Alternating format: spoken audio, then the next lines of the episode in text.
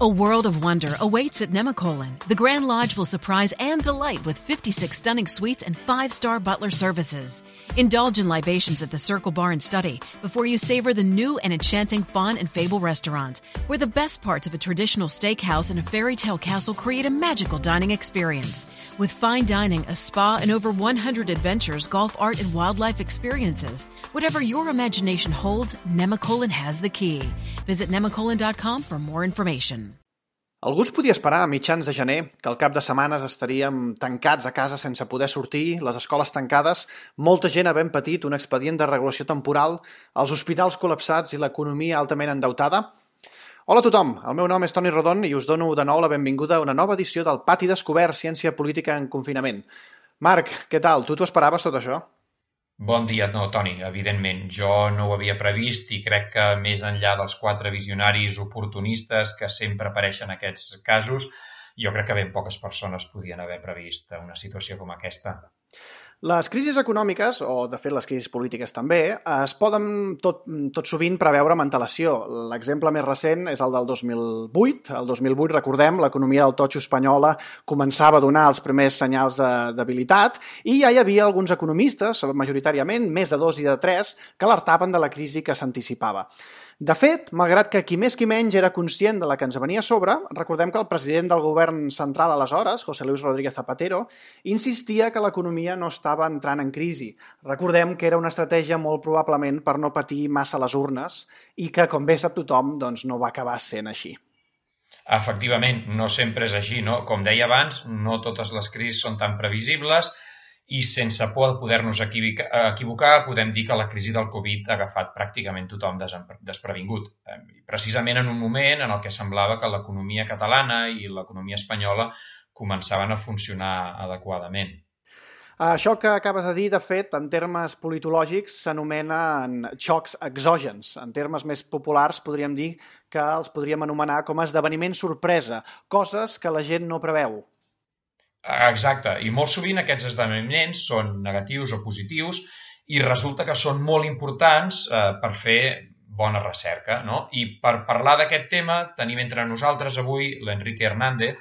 Eh, el Quique és doctor per l'Institut Universitari Europeu de Florència i actualment és investigador eh, del Departament de Ciència Política i Dret Públic de la Universitat Autònoma de Barcelona i recentment, juntament amb en Jordi Muñoz i l'Albert Falcó de la Universitat de, de Barcelona, han publicat un article sobre com els esdeveniments inesperats poden ser una bona eina eh, per la recerca en ciències socials.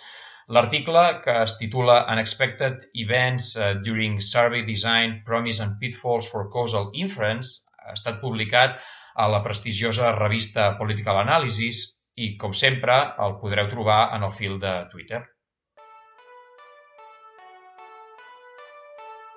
El pati descobert. Ciència política en confinament.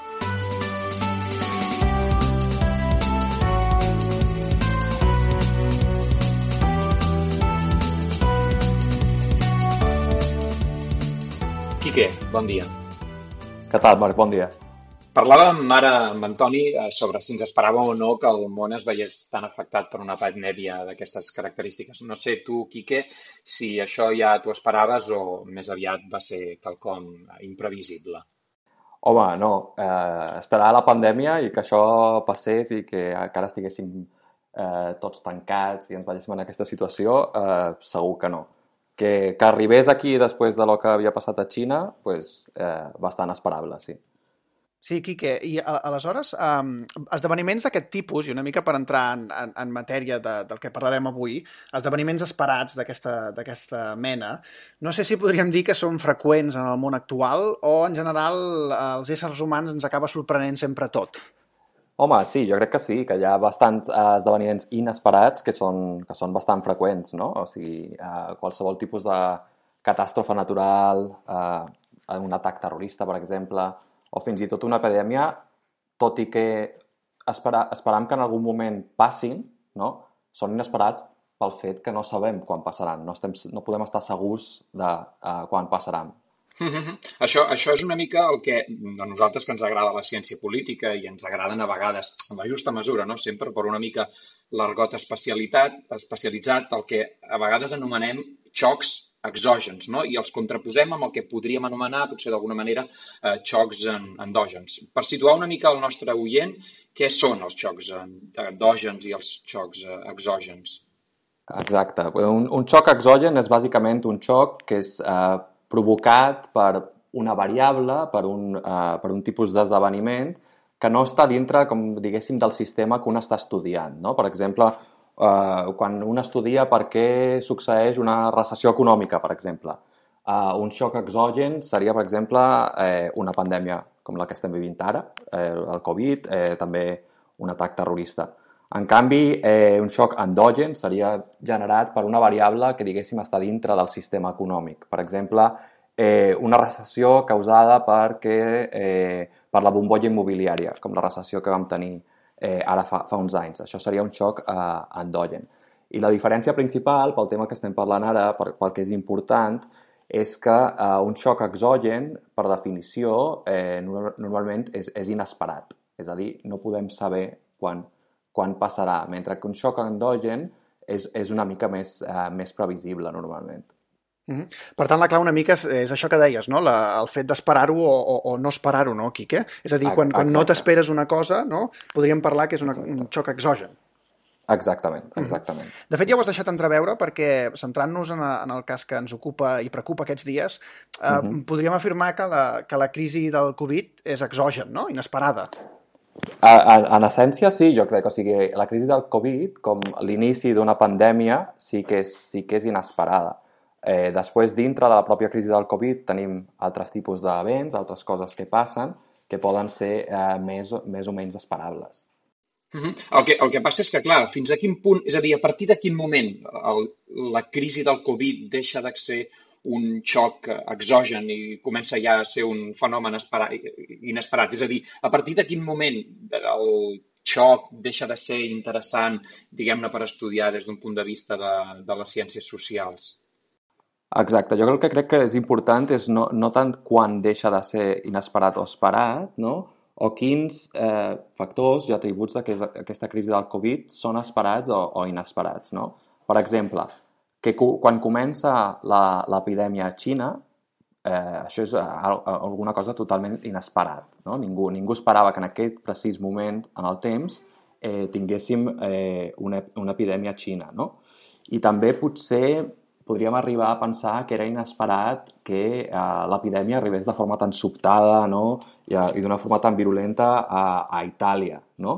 Però, clar, després tenim coses que ja no són tan inesperades. No? O sigui, eh, quan, una vegada que ja ha arribat a Itàlia, segurament, gran part de la població, gran part de nosaltres, no? ja esperàvem que això acabés arribant a, arribant a Espanya. No? Eh, I una altra cosa que potser és interessant també, perquè hi ha algunes persones que ho estan estudiant també, per exemple, és la, la, la declaració de l'estat d'alarma. No? Eh, podríem discutir si podem tractar la declaració de l'estat d'alarma a Espanya, per exemple, com eh, un event eh, inesperat eh, o esperat. Jo crec que amb tot el que estava passant, no? eh, la declaració de l'estat d'alarma i que ens confinessin, era relativament, eh, era relativament esperable. Uh -huh. Clar, per tant, eh, si ho haguéssim de comparar amb altres casos, diguem-ne, de xocs exògens claríssims, no com pot ser, per exemple, un, una, un atac terrorista o una catàstrofe mediambiental, podríem dir que això, si bé té característiques de xoc exogen, no les té senceres, perquè la, la, la crisi del coronavirus, el primer cas de coronavirus va arribar a, a la Xina el dia 30 o 31 de, de desembre del 2019 i, per tant, fins que arriba, s'aprova l'estat d'alarma, fins que hi ha el primer cas de, de coronavirus, passen un temps, però fins que eh, s'aprova l'estat d'alarma i el confinament passa un altre temps. No? Per tant, és un xoc exogen, però no tan exogen com podríem dir.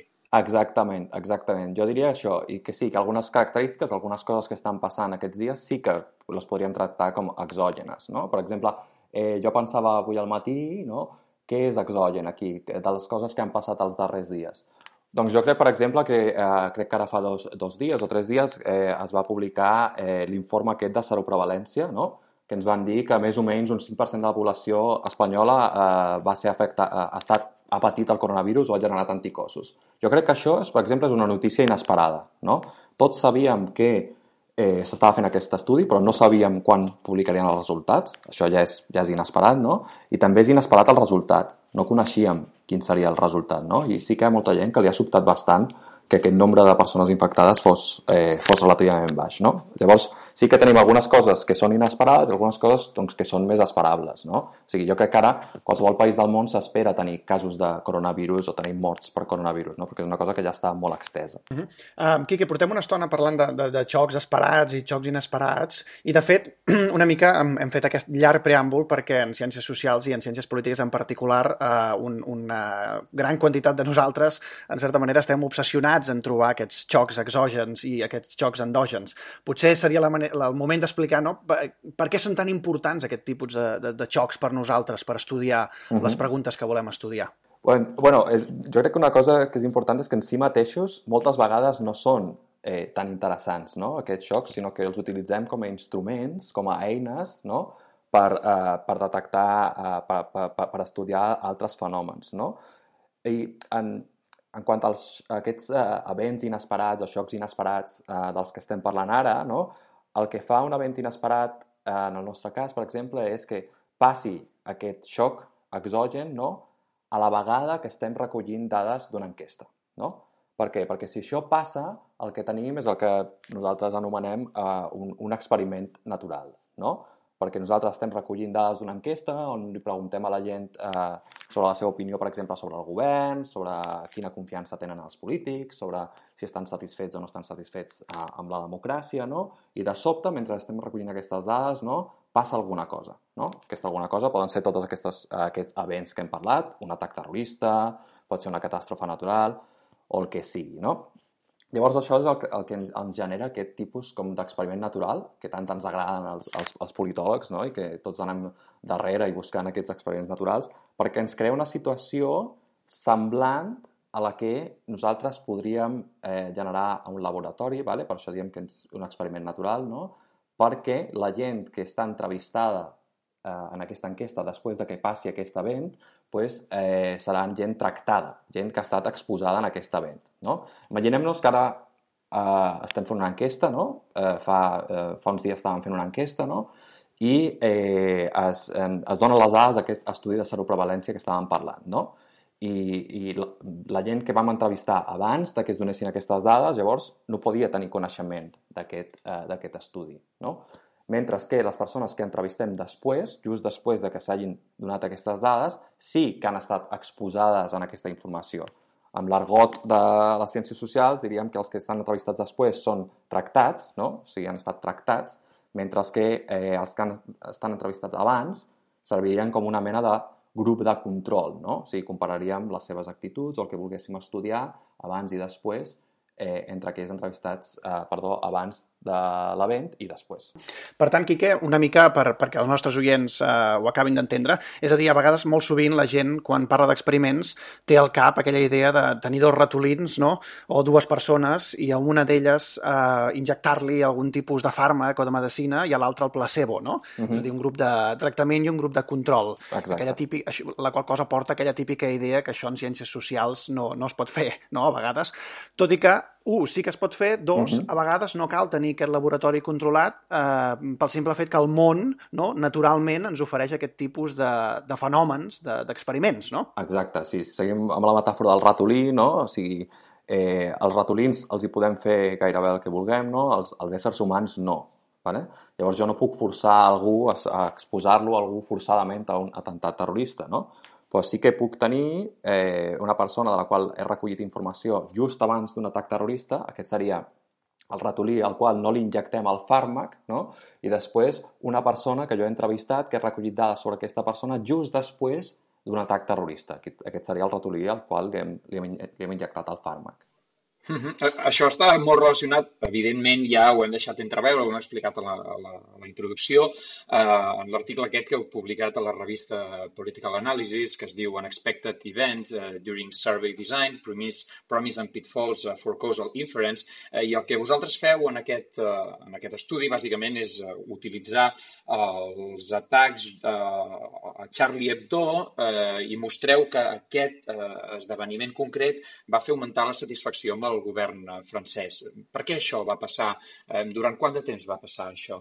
Exacte, el que nosaltres fem és utilitzar aquest tipus com de disseny, no? Tractem els atacs de Charlie Hebdo com, com un experiment natural, perquè vam tenir la sort, si es pot dir d'aquesta manera, no? que els atacs de Charlie Hebdo eh, passessin mentre eh, l'enquesta social europea estava recollint dades, eh, entre l'altre, sobre l'opinió que els francesos tenien sobre el seu govern, d'acord?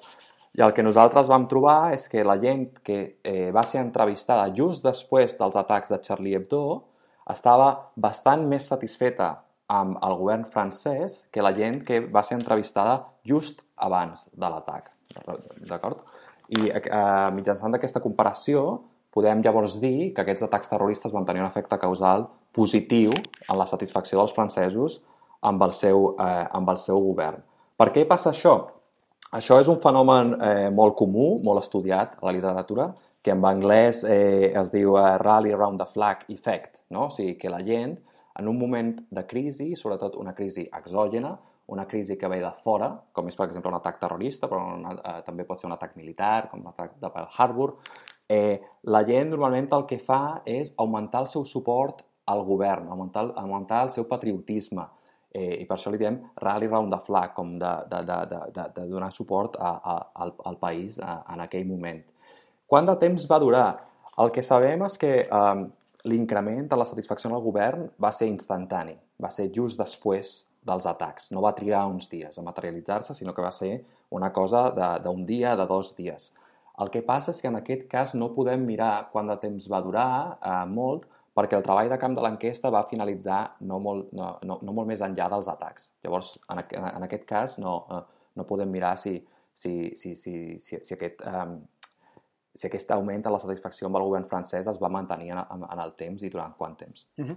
Per tant, per seguir amb el símil que fèiem servir abans, Quique, eh, els ratolins uh -huh. entrevistats eh, just després de, de l'atac terrorista serien el, el grup de tractament, no? I el just abans Exacte. serien el grup de control, veritat? Exacte. Uh -huh. Una mica estirant el fil de, del que comentaves ara, um, en un món, diguéssim, el que poguéssim tirar enrere, um, per, per poder estudiar això amb el coronavirus, ens hauríem d'imaginar uh -huh. un món en què hi hagués una, un treball de camp fent-se, no? una enquesta, Exacte. i que el coronavirus o algun tipus d'emergència uh -huh. es declarés just al mig d'aquest treball de camp, veritat? Exacte, exactament. Uh -huh. uh, després, i en relació amb això, una pregunta uh, sobre, tam que també contesteu en part a l'article, però que ens agradaria uh -huh. que ens ho expliquessis, per això tenim aquí, que vosaltres en aquest fantàstic article que publiqueu uh, doneu una sèrie de guia de com tractar aquests esdeveniments, uh -huh. no? Per exemple, un dels problemes que pot passar és que per culpa de, la, de l'esdeveniment hi, ha, hi hagi un cert tipus de gent que no et respongui l'enquesta després eh, d'aquest esdeveniment sobtat, no? Exacte, o que hi hagi gent que sigui més probable que et contesti l'enquesta, no? O sigui, una de les condicions bàsiques per utilitzar uh, aquest disseny no? és que les persones que s'entrevisten abans i després de que, per exemple, que, eh, que ens confinin, no? si tractem el confinament com a l'event inesperat, han de tenir les mateixes característiques. És a dir, una vegada tornant al símil dels ratolins, eh, han de ser ratolins iguals. No pot ser que tinguem ratolins d'una raça abans i ratolins d'una altra espècie eh, eh, després. No? I pot ser que precisament pel fet d'aquest esdeveniment inesperat, les característiques de les persones que contesten a, a l'enquesta abans i després eh, siguin diferents. No? Imaginem-nos, per exemple, una enquesta que es fa eh, marcant telèfons de forma aleatòria, no? que és una forma eh, que, que a vegades es fan les enquestes. No? I estem fent aquesta enquesta just abans del confinament no? i truquem a les cases no? eh, durant el dia per, eh, per, per entrevistar els nostres encastats. No? En aquest context, és molt més probable que les persones que agafin el telèfon siguin persones grans, persones que no tinguin feina, no? perquè estan més a casa, sempre que fem l'enquesta amb, amb un telèfon fix. No? I Després eh, passa aquest event, per exemple, es declara el confinament, ja estem tots confinats a casa. Què passa aquí? Que és molt més probable que quan truquem a les cases, la gent que ens agafi el telèfon ja sigui molt més jove, la gent eh, sigui, molt, eh, sigui gent treballadora. Per què? Perquè abans no els trobàvem, abans no ens agafaven tant el telèfon, i ara, com que tothom està a casa, aquesta gent sí que agafa el telèfon. I això és un problema, perquè eh, això és el, el que ens genera és que la gent que, eh, que utilitzem com a grup de control aquells que van ser entrevistats abans de que comencés el confinament són diferents que aquells que entrevistem després. I això pot ser problemàtic, per exemple, perquè no podem saber si les diferències que trobem en el fenomen que estem estudiant, per exemple, si estudiem la satisfacció en el govern, es deu a, a, a al confinament, a l'event que estem estudiant, o en aquestes diferències sociodemogràfiques entre, entre els que van ser entrevistat, entrevistats abans i després. I tu, a més a més, ara has posat l'exemple molt clar del, del cas del confinament, però això, uh -huh. el, el fet que les persones al llarg d'un treball de camp, d'una enquesta, siguin diferents és extremadament habitual. Normalment, com que treballem amb, amb enquestes per quotes, eh, uh -huh. les, les empreses van, van omplir quotes i, evidentment, és molt més fàcil trobar, doncs, eh, com has dit tu abans, persones d'edat avançada, en el, en el principi del camp, i, per tant, i a mesura que, que anem avançant al camp, hem d'anar omplint unes unes quotes que són molt més improbables de trobar, no? Doncs persones en edat laboral, persones joves, fins i tot persones poc interessades en la, en la política, no? que són persones també que, que responen menys. I per tant això, en el cas específic del confinament, és, és un problema, però això és sempre eh, sempre un problema en qualsevol de les enquestes, sempre que ens trobem un, atac, un, un xoc exogen, sempre mm. hem de tenir molt en compte aquesta, eh, diguem-ne, heterogeneïtat de la mostra pre i post eh, tractament. Exacte, tot depèn bastant de les característiques de l'enquesta, no? O sigui, no és el mateix una enquesta que es fa per telèfon, una enquesta que es fa per internet o una enquesta que es fa, que es fa en persona, no? I també d'altres característiques del disseny de l'enquesta, no? El que tu mencionaves, Marc, per exemple, eh, si utilitzem quotes, no? Uh, si utilitzem quotes i fem, uh, i fem l'enquesta online i fem, fem servir aquest protocol que quan una, enquesta, quan una quota està plena, és a dir, quan hem entrevistat totes les persones amb, un, amb unes certes característiques que volíem entrevistar, ja no eh, inclourem més persones amb aquestes característiques a, a, a la nostra enquesta. Llavors això que segurament... són moltes de les enquestes que fem, exacte, no? Exacte, això generarà un viatge eh, molt important, no? Perquè, per exemple, imaginem-nos que la gent de mitjana edat és molt més propensa a contestar, no? Que és el que passa moltes vegades amb les enquestes online, no? I que una vegada que hem entrevistat totes les persones de 30 a 40 anys que volíem incloure eh, a la nostra enquesta, ja no fem més entrevistes d'aquest tipus. No? Què passa? El que tu deies, si, eh, si, si la quota s'emplena abans de que succeeixi aquest xoc exogen, doncs llavors gent de 30 i 40 anys només en tindrem abans el grup de control i el grup de tractament no inclourà aquest tipus de persones. Llavors això és un problema que s'ha de tenir en compte sempre que es fan aquests tipus d'estudis. No? I ja et dic, això és, és molt comú, hi ha molt pocs tipus d'enquestes no? on, on aquests problemes no, no es donin. L'únic tipus és el tipus que en anglès direm uh, uh, rolling cross-sectional design, no? on cada dia o cada dos dies es genera com una mostra nova que és representativa de, de la població o que té, que té sempre els mateixos paràmetres. Amb qualsevol altre, altre tipus de design, de disseny, perdona, eh, això és una cosa que sempre s'ha de tenir en compte i normalment s'han d'utilitzar algunes tècniques per corregir aquestes discrepàncies que poden, poden, ser, poden no ser molt grans, però aquestes discrepàncies en les característiques del, eh, del grup de tractament i el grup de control. Uh, Quique, ja anem acabant. Tenim dues preguntes per, per finalitzar aquesta mhm. xerrada d'avui.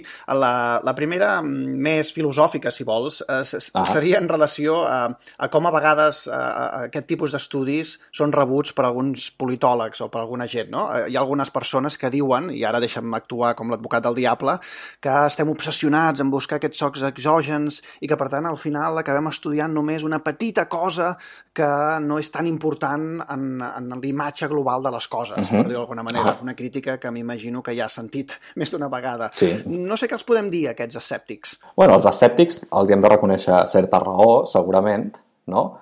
Però també els hem de dir que les coses i la ciència pues, avança de poc a poc, no? I tenir més informació robusta sobre eh, els efectes que té qualsevol tipus de xoc exogen sempre serà, eh, sempre serà valuós. I crec que també el que s'ha de fer sempre amb qualsevol disseny de, recerca, de recerca és comparar-ho a quines són les alternatives. No? O sigui, tots els dissenys de, recerca, de recerca són, eh, tenen problemes, tots els dissenys de recerca són, diguéssim, imperfectes, perquè, perquè per això fem models i per això, eh, i per això fem, eh, fem servir eh, dissenys de recerca. Si fossin perfectes, eh, si hagués un disseny de recerca perfecte, ja està, ja utilitzaríem aquest, però crec que sempre s'han de posar en comparació, vale, llavors, quina és l'alternativa? No? Si un vol estudiar, per exemple, eh, quins són els efectes, eh, posem pel cas, de, de, de, del terrorisme eh, amb el, en el suport al govern. Bé, òbviament hi ha diferents estratègies. Aquesta és només una, no?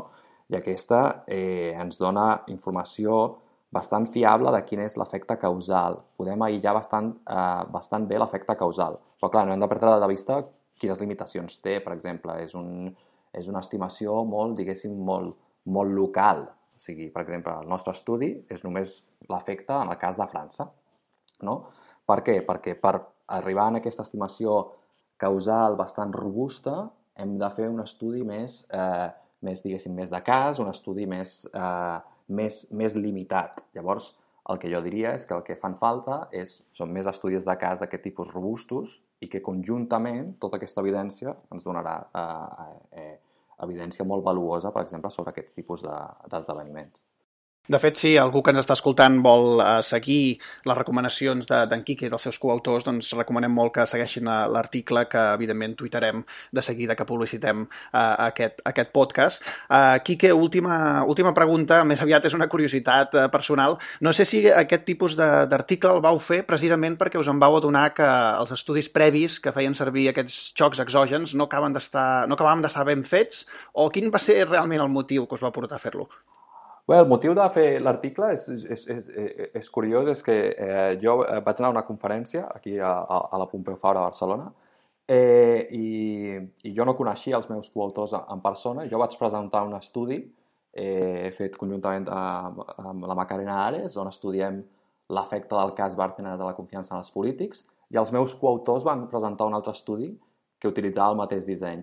I a partir d'aquí doncs, eh, vam començar a parlar, vam pensar que poder seria interessant fer, eh, fer un article d'aquest tipus, eh, donant recomanacions, no?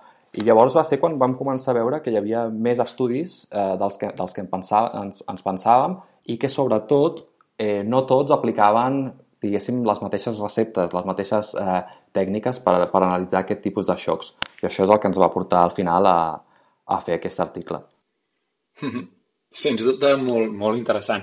Fantàstic, Quique. Doncs crec que eh, avui hem après molt sobre aquests esdeveniments inesperats, sobre xocs endògens i sobre dissenys de, dissenys de recerca. Molt jo crec que, Toni, hem, hem après molt, oi? Sí, de fet, eh, ara m'ha vingut una altra pregunta, Quique. No sé si fes, fes. Eh, tens al cap un xoc exogen relacionat amb el coronavirus o si ens ho pots dir, de fet. Un xoc exogen. El que et deia, jo crec que o sigui, aquest estudi de seroprevalència crec que és, eh, que és molt interessant precisament pel fet que nosaltres ara tenim una enquesta al camp, ara, ara mateix, no? on li hem preguntat a la gent diverses coses sobre el coronavirus i entre d'elles els hem preguntat si pensen que han tingut símptomes del coronavirus i si pensen que han desenvolupat immunitat al coronavirus. Clar, la meva expectativa és que eh, després de que es va publicar aquest estudi, la gent pensarà menys que ha tingut símptomes del coronavirus i pensarà molt menys que és immune al coronavirus. Perquè, o sigui, potser has, eh, potser has tingut un poc de febre, però és, és men molt menys probable ara eh, que pensis que, que és perquè has tingut el coronavirus. Fantàstic, doncs és molt interessant i segur que tindrem ocasió de parlar-ne en el futur quan tinguem aquests, eh, els resultats d'aquest gran xoc exogen que heu trobat en l'enquesta. Esperem que ningú us, us ho prengui, eh? No, esperem no que no, esperem no, que no. No crec que, no crec que ningú uh, tingui aquesta idea. Fantàstic. Uh, Molt bé. Moltes gràcies, Quique. Gràcies a vosaltres. Gràcies, Quique. De res. Adéu. Adéu. Gràcies per escoltar-nos. Si vos voleu subscriure a este podcast, podeu visitar-nos a www.elpatidescobert.cat.